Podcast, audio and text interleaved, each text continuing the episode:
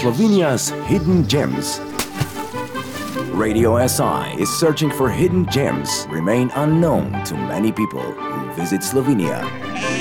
Think of an unforgettable experience, an unpretentious ambience, a delightful and photogenic place, a laid back atmosphere, excellent food, friendly people, a pure delight. We are introducing Slovenia's most attractive tourist offers for visitors from abroad. Slovenia's hidden gems. Uh, my name's Andrea Jadrzyk. I'm here with my mom, Mary Jadrzyk, in Idrija, and uh, we're both from Canada. I was born there, but my mom actually moved from Slovenia to Canada when she was three years old, lived there for most of her life, and then we ended up coming back with the intention of being here for a year or two, and then we never went home. And you just experienced a two day tourist package called Adventure in Idrija. Let's take it step by step. What was your first stop? the Amelia Coffee House to meet our guide Petra. Really a beautiful coffee house in the, in the center of town. They have lots of beautiful cakes and ice cream and great coffee, and they even sell beer. Also, it has a background story of Emilia, Napoleon's mistress. Supposedly, it's a true story, but you have to come here, visit, and read this information yourself. Okay, and then you continued your visit by uh, going underground. Mary Andrea said that you might have a problem with uh, doing that, but in the end, you surprised yourself. I think I surprised everybody, not just myself. I was convinced that everything will be all right and I will be safe. And I decided to be brave and I did it. And I'm glad I did because I learned a tremendous amount of history. And my heart really goes out to all the men who worked in that mine and their families. I can't believe the life they had to lead. The mine is Antonio Road. That's actually the entrance where you get in. What else did you see there, Andrea? We dressed up in helmets and we got uh, matching jackets. We had a guide take us through and he explained all the different processes, the history of mining, showed us how things actually looked, let's say even 300 years ago. There was one point where he turned all of the lights out. This was one of the points where my mom turned around and said, Andrea, I'm going to kill you. He turned on just a little handheld flashlight and showed us what it actually would have been like for us in the mines. We also saw the underground chapel, which was unbelievable. It was really beautiful. Oh, and we even got a visit from a little elf that lives down there whose name I cannot remember. Perkmandels. That's the one. Apparently, he used to steal food from miners. If he was in a good mood, he would show them where to dig and where to find mercury. If he was in a bad mood, he'd lead them in the wrong direction and steal their food. Did he play with you as well? We didn't have any food. Smart move. But when you got out, they took you to get some food. Yes, we went to restaurant Barbara. We were able to taste four different types of žlikrofi, their traditional pasta dish. The very last one was chocolate with lovely little fruit sauces on top.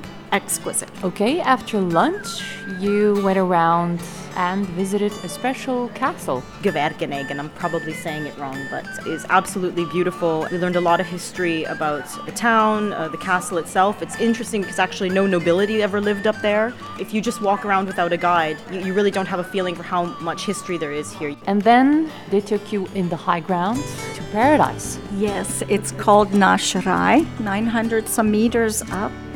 Just a lovely old farmhouse. We spent the night there, but before we had our meal, we went out where we picked lovely flowers for our tea for the next day, and we also went to meet farm animals. Yeah, when we were driving into the pasture, apparently all the animals recognized the sound of the Jeep.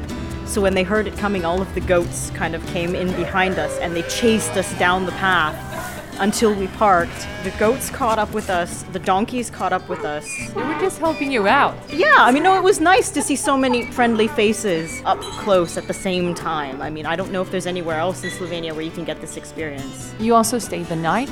How was that? Very old fashioned, uh, traditional Slovene room. Lots of wood, really, really beautiful. It was a bit funny for us because there isn't phone reception up there, but the Wi Fi is fantastic. How do you feel Slovenia? Share your favorite experiences as a picture or video on social media with the hashtag IFeelSlovenia. More at slovenia.info. Slovenia's hidden gems. For your vote, go to www.slovenia'shiddengems.si.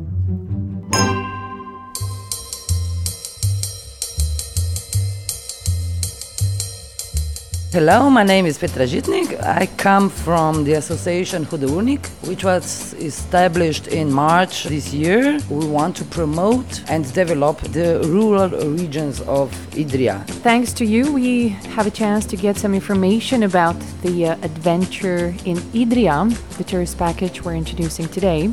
In what way has Idrija changed within time thanks to its long mining as well as lace making history?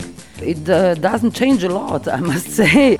So, mining had a long 500 years old history and tradition here in Idrija.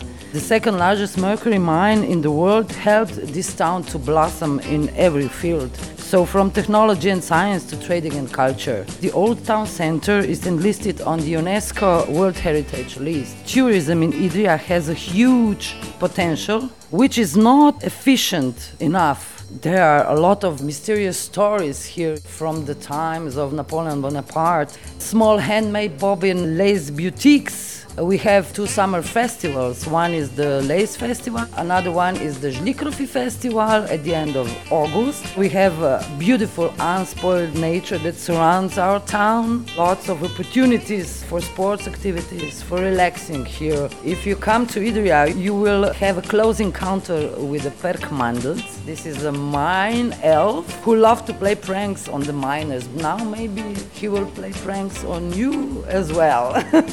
of course course, we had to dig deeper, so we asked Tomasz Biziak to tell us more about mining in Idrija. The uh, Anthony's Shaft is the entrance to the second largest mercury uh, mine in the world.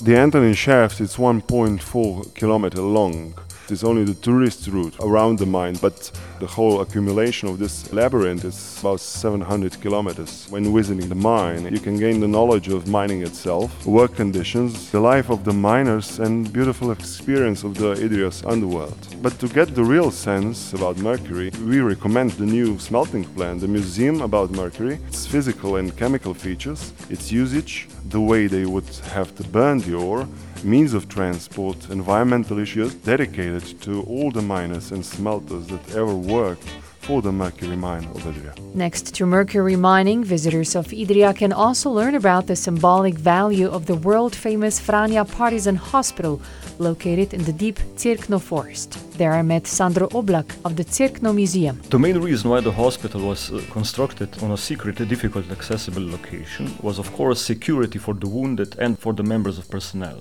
It was primarily intended for saving human lives, so it was bringing light into the darkness of war. It still carries a message of comradeship, tolerance, hope, self sacrifice. These virtues are still extremely relevant today in our imperfect world.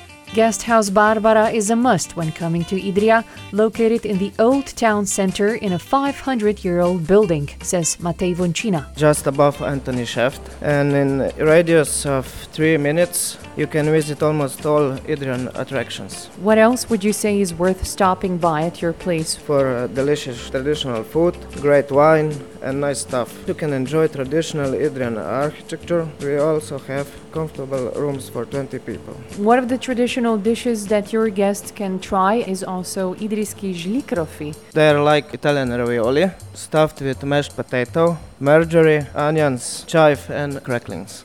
Another place worth stopping by when in Idrija is Naš Raj, an ecological farm near Vojsko, the highest lying village in the Primorsko region. Owner Valeria Verhovnik is said to be a wonderful host. Our farm is named Paradise because of the animals living there.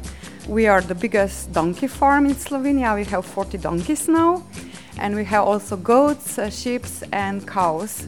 They're free walking and they have really happy life. How can your foreign visitors especially go back to nature with your help? When they come to us, they come back to the past.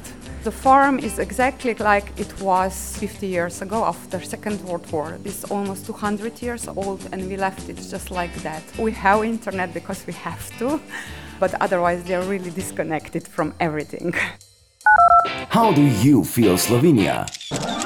Share your favorite experiences as a picture or video on social media with the hashtag IFeelSlovenia. More at slovenia.info. Slovenia's hidden gems. For your vote, go to www.sloveniashiddengems.si.